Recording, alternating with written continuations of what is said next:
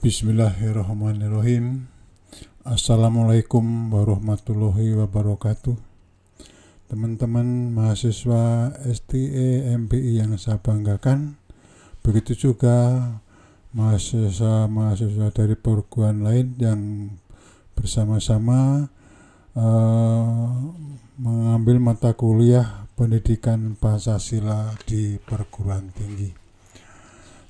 Telah kita pelajari sebelumnya mengenai Pancasila mulai dari bab 1 yaitu sumber historis pendidikan Pancasila, sumber sosiologis pendidikan Pancasila, sumber yuridis pendidikan Pancasila dan sumber politik pendidikan Pancasila. Kemudian dinamika dan tantangan pendidikan Pancasila. Esensi dan urgensi pendidikan Pancasila untuk masa depan. Bab dua yang kita bahas yaitu Pancasila dalam arus sejarah bangsa Indonesia. Dan bab yang ketiga, Pancasila menjadi dasar negara Republik Indonesia. Sedangkan bab yang keempat yaitu Pancasila menjadi ideologi negara dan yang bab kelima Pancasila merupakan sistem filsafat yang bab 6 Pancasila menjadi sistem etika bab ketujuh yaitu Pancasila menjadi dasar nilai pengembangan ilmu pengetahuan dan teknologi. Nah, dari hal-hal yang kita bahas sebelumnya, sebelum ini, yaitu untuk uh, memahami hal-hal apa saja yang kita perlu bahas dalam pendidikan Pancasila ini supaya dengan harapan supaya mahasiswa sebagai intelektual muda yang nanti diharapkan menjadi penerus kelangsungan hidup bangsa dan negara ini akan bisa melarakan Pancasila secara murni dan konsekuen seperti yang diharapkan oleh pendiri bangsa yang mengorbankan jiwa raganya untuk negara Indonesia yang yang melindungi segenap bangsa Indonesia dan seluruh tumpah darah Indonesia untuk memajukan kesejahteraan umum mencerdaskan kehidupan bangsa dan ikut melaksanakan ketertiban dunia yang berdasarkan kemerdekaan, perdamaian abadi dan keadilan sosial. Itulah yang dicita-citakan oleh pendiri bangsa Indonesia ini, yaitu pejuang-pejuang yang tidak mengenal pamrih, sehingga dia uh, meletakkan cita-cita yang bebas dari setelah bebas dari penjajahan Belanda selama 350 tahun dilanjutkan penjajahan Jepang selama empat setengah tahun. Dengan harapan Indonesia berdaulat bebas membangun negaranya yang didasari oleh Pancasila yang perkembangannya melalui liku-liku tantangan pro dan kontra dan sebagainya.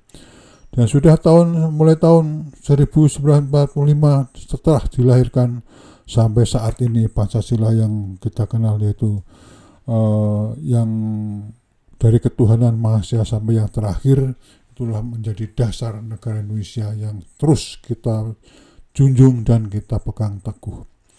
Kemudian mengapa sudah sekian puluh tahun mulai tahun 1945 sampai sekarang ini cita-cita tersebut belum tercapai. Marilah kita menggunakan pendekatan Dasein dan Dasolen kita analisis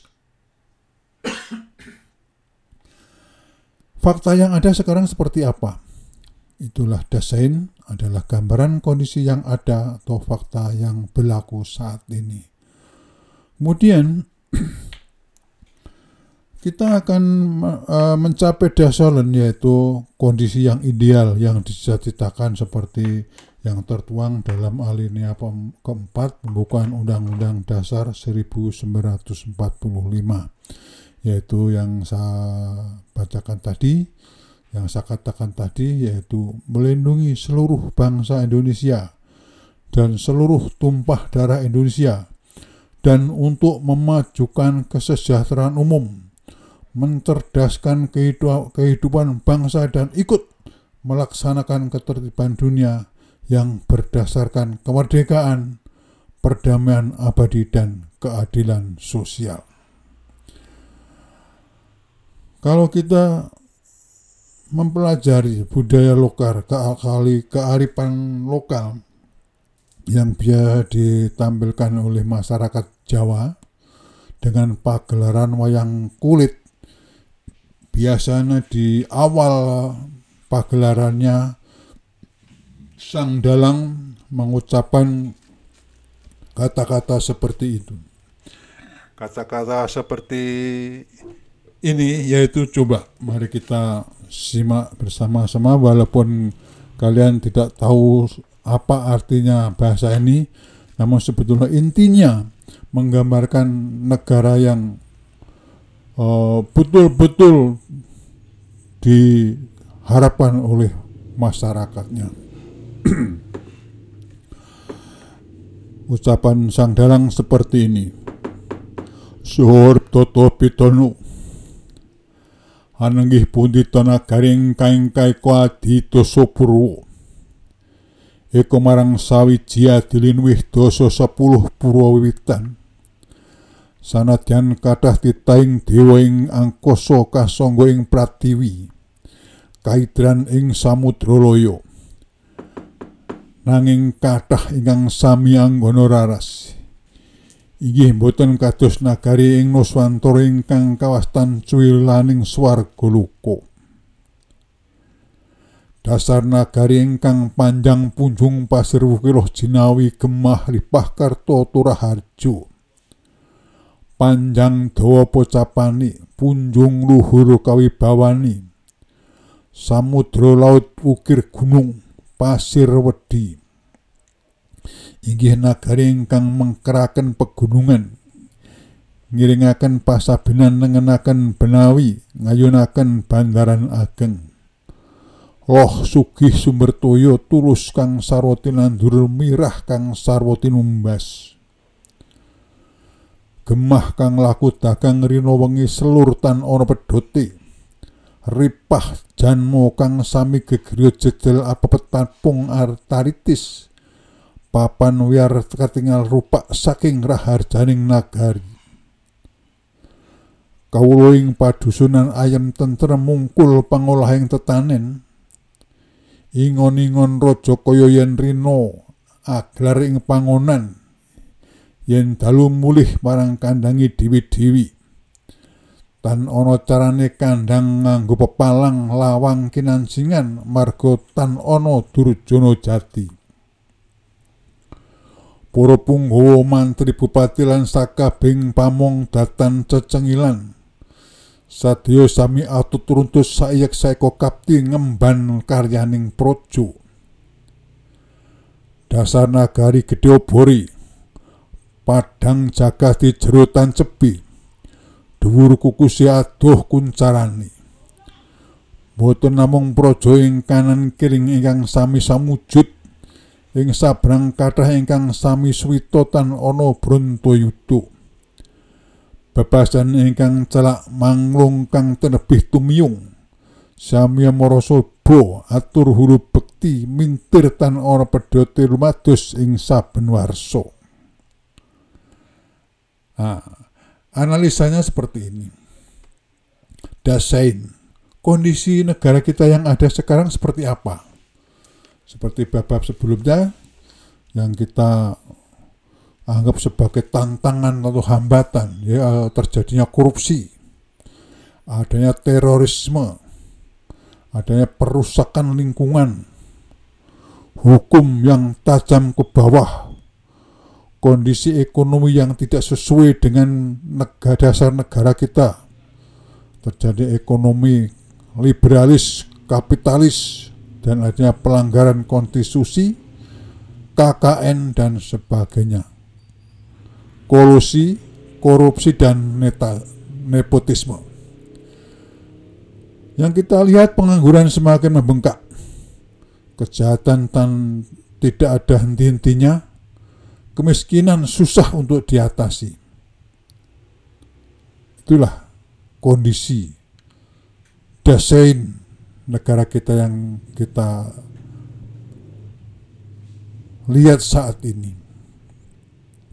Kemudian dari desain yang seperti itu, kita akan menuju desolen, yaitu uh, kondisi yang ideal yang bersama-sama kita cita-citakan seperti ucapan ucapan dalang yang tadi Pembukaan pagelaran wayang kulit menggambarkan negara yang memuaskan semua masyarakat, aparat yang kompak dalam kebaikan demi kemakmuran rakyatnya. Terjemahan bebas pagelaran yang tadi kira-kira seperti ini. Menggambarkan negara dengan letak geografis strategis membelakangi pegunungan, kiri kanan sawah dan sungai, di depan alun-alun, banyak sumber air dan bertani dengan kesuburannya. Semua harga barang murah, berdagang siang malam meriah, hunian rapat karena negara yang kaya raya. Petani serius mengolah lahannya, semua hewan peliharaan dilepas di ladang kalau malam masuk kandang tanpa tutup pintu karena amannya. Tidak satu pun pencuri maupun tindak kejahatan apa pun. Semua pejabat pemerintah akur rukun tidak ada saling menghujat dan saling menfitnah, saling iri, saling dengki. Semua berbakti dengan tulus demi kejayaan bangsa dan negara. Negara dimaksud tenar, populer, kuat perkasa, Seluruh dunia memuji kejayaannya. Negara sekitarnya saling menghormati, segan dan sering berkunjung dengan memberikan hadiah sebagai bukti persahabatan. Dan tidak ada satupun negara yang memusuhinya. Demikian negara yang ideal sebagaimana dicita-citakan oleh para pejuang pendiri negara Indonesia ini tujuan nasional telah dituangkan dalam pembukaan Undang-Undang Dasar 1945 alinea keempat. Saya ulangi, yang berbunyi, melindungi segenap bangsa Indonesia dan seluruh tumpah darah Indonesia. Yaitu segenap bangsa Indonesia di mana pun berada, mulai TKW, di luar negeri, Saudi Arabia, Singapura, Malaysia, Hong Kong, Thailand. Kalau ada masalah, wajib negara melindungi mereka. Dan kalau e, berkait dengan hukum, maka akan mengadakan pembelaan untuk bangsa Indonesia. Dan e, melindungi tumpah darah negara ini sudah tetapkan batas-batasnya. Apabila sejengkal pun wilayah kita di uh, jarah oleh negara lain, maka wajib kita bela. Karena ada istilah wawasan Nusantara yang telah di uh, proklamirkan oleh Gajah Mada yaitu membangun Nusantara dengan batas-batas yang ada sekarang ini dengan batas-batas yang tetap maka tidak ada satupun negara yang akan bisa menggeser batas wilayah geografis Indonesia. Dan untuk memajukan kesejahteraan umum, jadi idealnya bangsa Indonesia itu minimal cukup sandang, cukup pangan, cukup papan. Kalau orang Jawa bilang rakyat kita harus bisa ngeliwat uh, dalam makan nasa menanak nasi nyandang rapet berpakaian yang uh, ideal sesuai dengan kebutuhannya kebutuhan ke kantor ya bahkan kantor kebutuhan pesta ya bahkan pesta kebutuhan uh, rekreasi seperti bagaimana bahkan rekreasi dan sebagainya nyandang rapet kemudian tidur anget. Mempunyai tempat tinggal yang layak huni.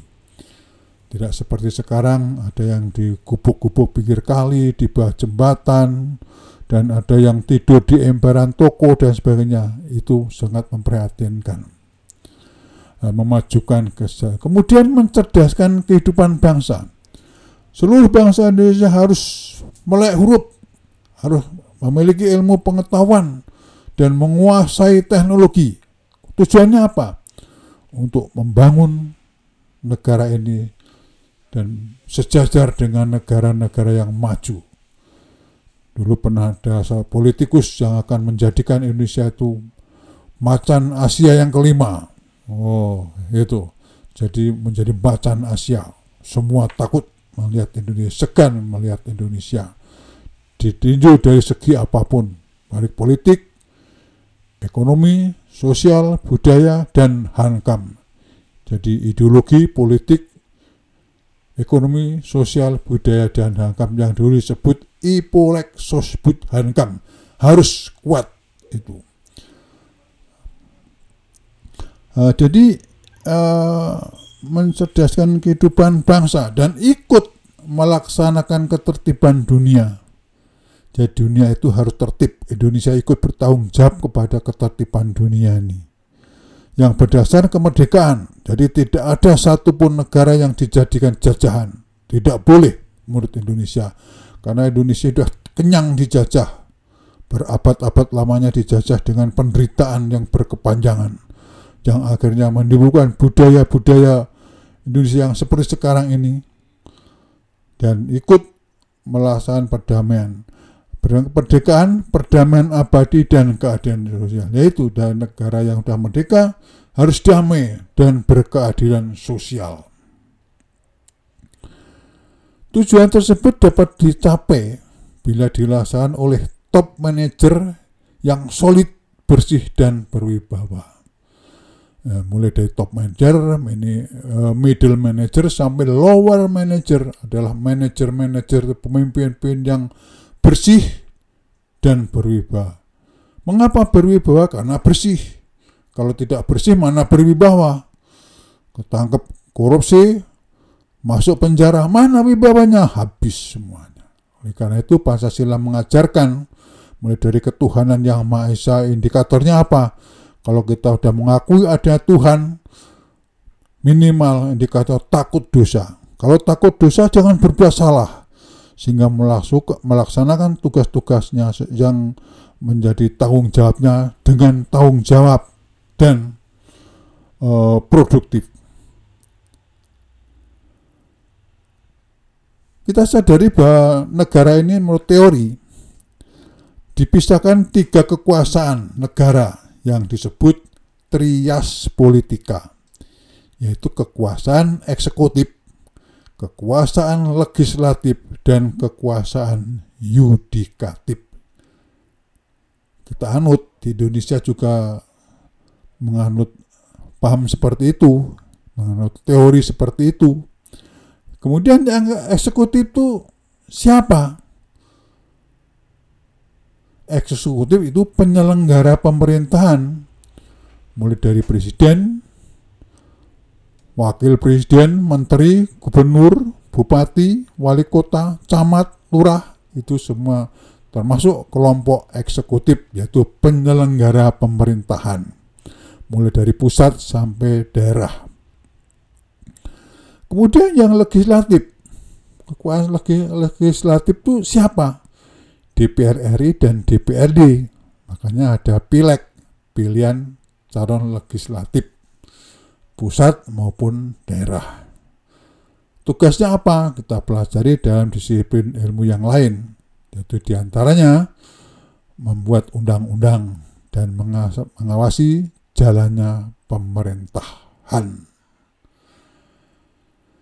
Yang kekuasaan yang ketiga yaitu kekuasaan yudikatif, yaitu yang berkaitan dengan hukum, penegakan hukum, dan tindakan hukum. Dalam pencapaian tujuan nasional yang tertuang dalam alinea 4 pembukaan Undang-Undang Dasar 45 tadi, ketika lembaga tersebut, baik eksekutif, legislatif maupun yudikatif berperan sebagaimana fungsi masing-masing yang diatur oleh undang-undang. Dengan pendidikan Pancasila ini, diharapkan semua penyelenggara negara sadar, ikhlas dan bertanggung jawab sesuai tupoksinya, tugas pokok dan fungsinya.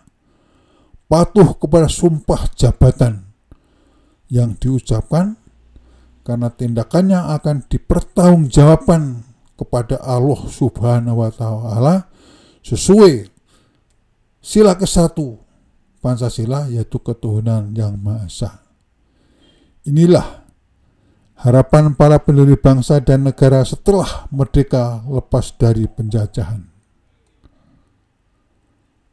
Teman-teman yang saya harapkan, setelah kita mem mempelajari pendidikan Pancasila ini mulai dari awal sampai saat ini, indikatornya adalah Anda sebagai intelektual dan diharapkan akan menjadi penerus pemegang tampuk pemerintahan ini akan memiliki sikap, pola pikir, pola ucap, dan pola tingkah laku yang sesuai dengan nilai-nilai Pancasila yang dapat kita pelajari dari butir-butir Pancasila yang saya sajikan di bagian akhir bab 1 materi kuliah ini.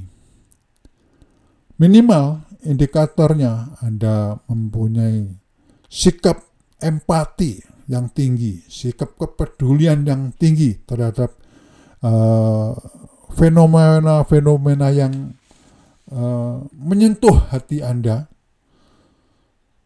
tepo seliro,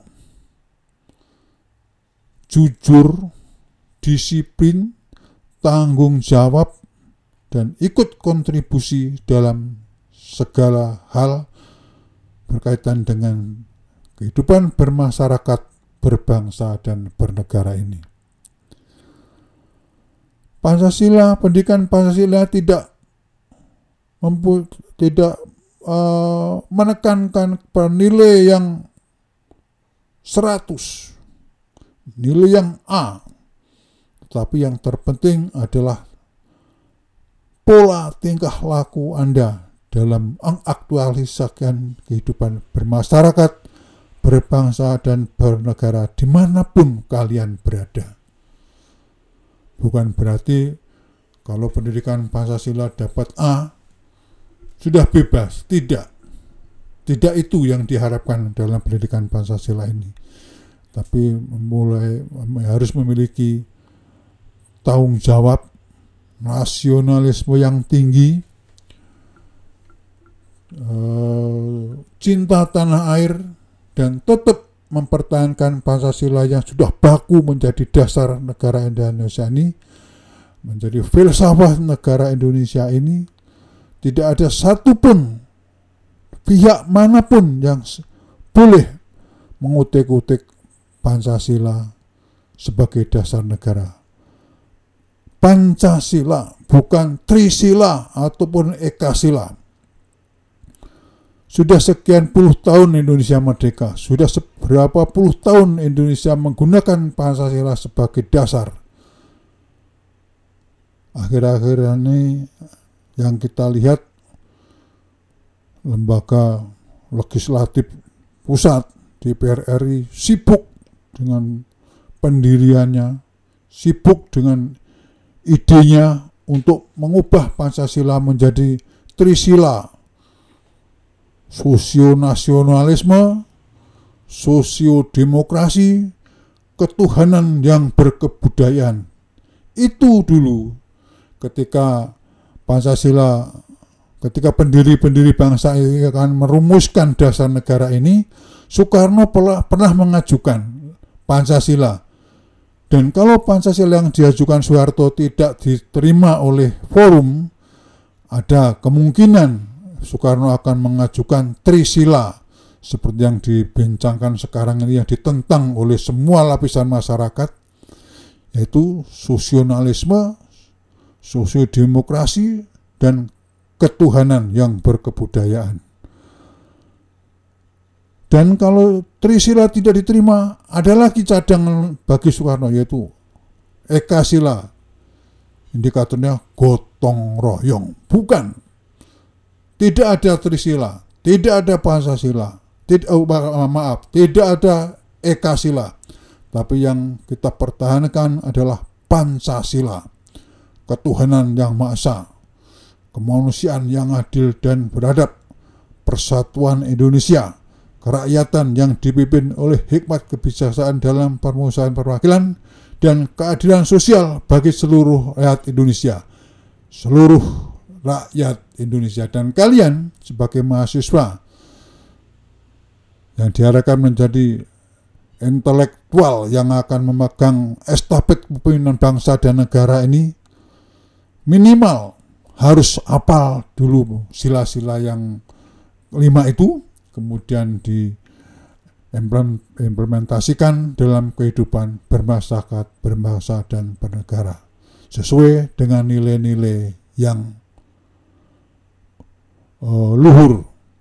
Terima kasih demikian sahabat-sahabatku, mahasiswa STE MPI yang saya banggakan, maupun mahasiswa-mahasiswa dari perguruan tinggi yang lain yang bersama-sama kita uh, mendalami, mempelajari pendidikan Pancasila untuk mahasiswa.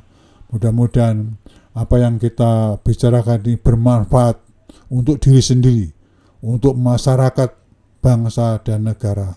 Alhamdulillah, salam sehat Wassalamualaikum warahmatullahi wabarakatuh.